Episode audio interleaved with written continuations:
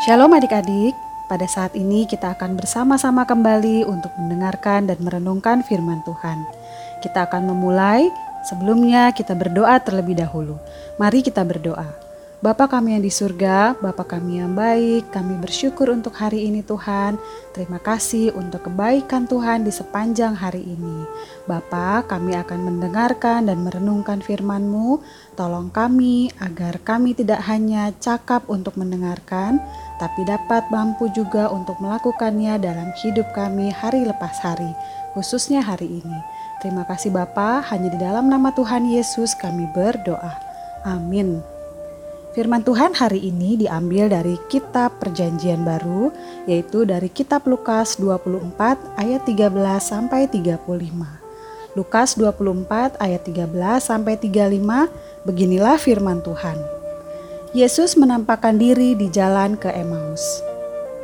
Pada hari itu juga, dua orang dari murid-murid Yesus pergi ke sebuah kampung bernama Emmaus, yang terletak kira-kira tujuh mil jauhnya dari Yerusalem dan mereka bercakap-cakap tentang segala sesuatu yang telah terjadi.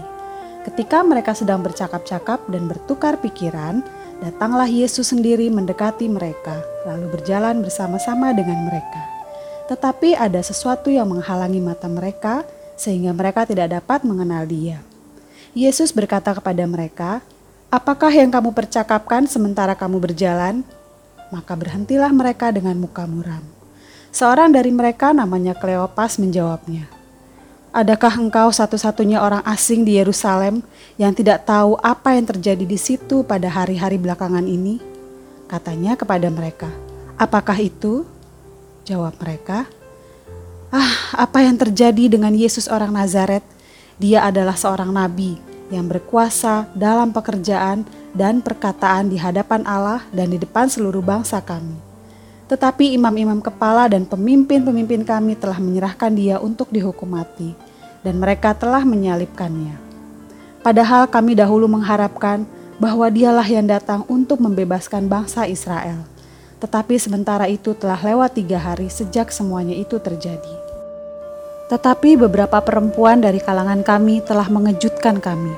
Pagi-pagi buta mereka telah pergi ke kubur dan tidak menemukan mayatnya Lalu mereka datang dengan berita bahwa telah kelihatan kepada mereka malaikat-malaikat yang mengatakan bahwa ia hidup.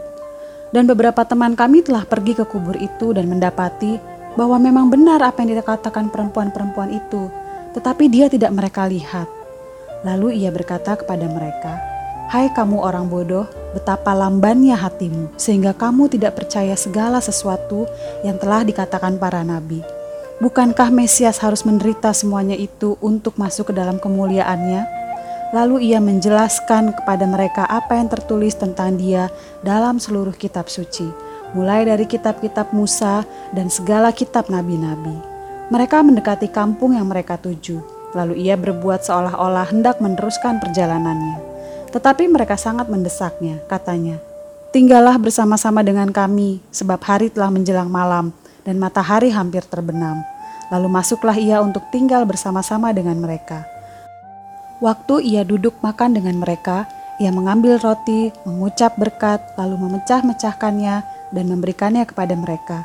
Ketika itu terbukalah mata mereka dan mereka pun mengenal dia, tetapi ia lenyap dari tengah-tengah mereka. Kata mereka seorang kepada yang lain, Bukankah hati kita berkobar-kobar ketika ia berbicara dengan kita di tengah jalan dan ketika ia menerangkan kitab suci kepada kita, lalu bangunlah mereka dan terus kembali ke Yerusalem. Di situ mereka mendapati kesebelas murid itu. Mereka sedang berkumpul bersama-sama dengan teman-teman mereka. Kata mereka itu, sesungguhnya Tuhan telah bangkit dan telah menampakkan diri kepada Simon. Lalu kedua orang itu pun menceritakan apa yang terjadi di tengah jalan dan bagaimana mereka mengenal dia pada waktu ia memecah-mecahkan roti. Berita yang menghidupkan semangat. Di awal karirnya, Gajah Mada turut menyelamatkan Prabu Jayanegara dari ancaman pemberontakan Rakuti ke desa Bedander.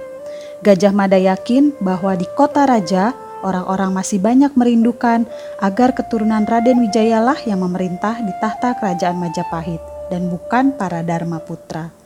Diam-diam Gajah Mada menyusup ke kota dan mencoba mengetahui apakah rakyat loyal pada sang Prabu. Maka Gajah Mada pura-pura menceritakan bahwa Prabu Jayanegara sudah meninggal. Melihat kesedihan dan duka mereka, Gajah Mada menjadi tahu bagaimana loyalitas dan kecintaan mereka pada Sang Prabu. Ia merasa yakin akan mampu membentuk kekuatan dari orang-orang yang ada untuk melakukan pemberontakan dan merebut kembali tahta Sang Prabu. Gajah Mada kemudian memberitahukan kondisi yang sesungguhnya bahwa Prabu Jayanegara masih hidup. Mereka sungguh sangat bersyukur dan bersuka cita. Mereka menyambut ajakan Gajah Mada untuk melakukan pemberontakan. Akhirnya mereka berhasil menyingkirkan Rakuti serta mengembalikan tahta kerajaan Majapahit kepada Prabu Jaya Negara. Adik-adik, setiap hari kita akan selalu mendengar banyak berita. Entah berita yang menghidupkan semangat atau justru berita yang melemahkan semangat kita. Dahulu para murid akhirnya mendapatkan berita yang menghidupkan semangat mereka. Mereka tidak lagi takut tidak lagi gelisah, tidak lagi sedih, karena mereka tahu bahwa Tuhan Yesus sudah bangkit, sudah menang atas maut. Nah, berita itu pun sampai kepada kita pada saat ini. Tuhan Yesus mau agar kita bersuka cita, bersyukur, dan terus berpengharapan karena Yesus yang hidup. Adik-adik dapat menceritakan, adik-adik dapat memberitakan kepada setiap orang bahwa Tuhan Yesus, Ia datang ke dunia mati untuk menebus dosa kita, namun dia menang, dia bangkit pada hari yang ketiga. Selamat memberitakan tentang kebangkitan Tuhan Yesus adik-adik. Selamat memberitakan berita yang menghidupkan semangat. Renungan kita sudah selesai, mari kita tutup di dalam doa. Bapa di surga, ampuni kami yang sering larut dalam kesedihan karena hal-hal yang mendukakan kami. Ingatkan kami senantiasa bahwa Tuhan Yesus, sumber pengharapan kami yang hidup dan menyertai kami. Dalam nama Tuhan Yesus kami berdoa. Amin. Tuhan Yesus memberkati.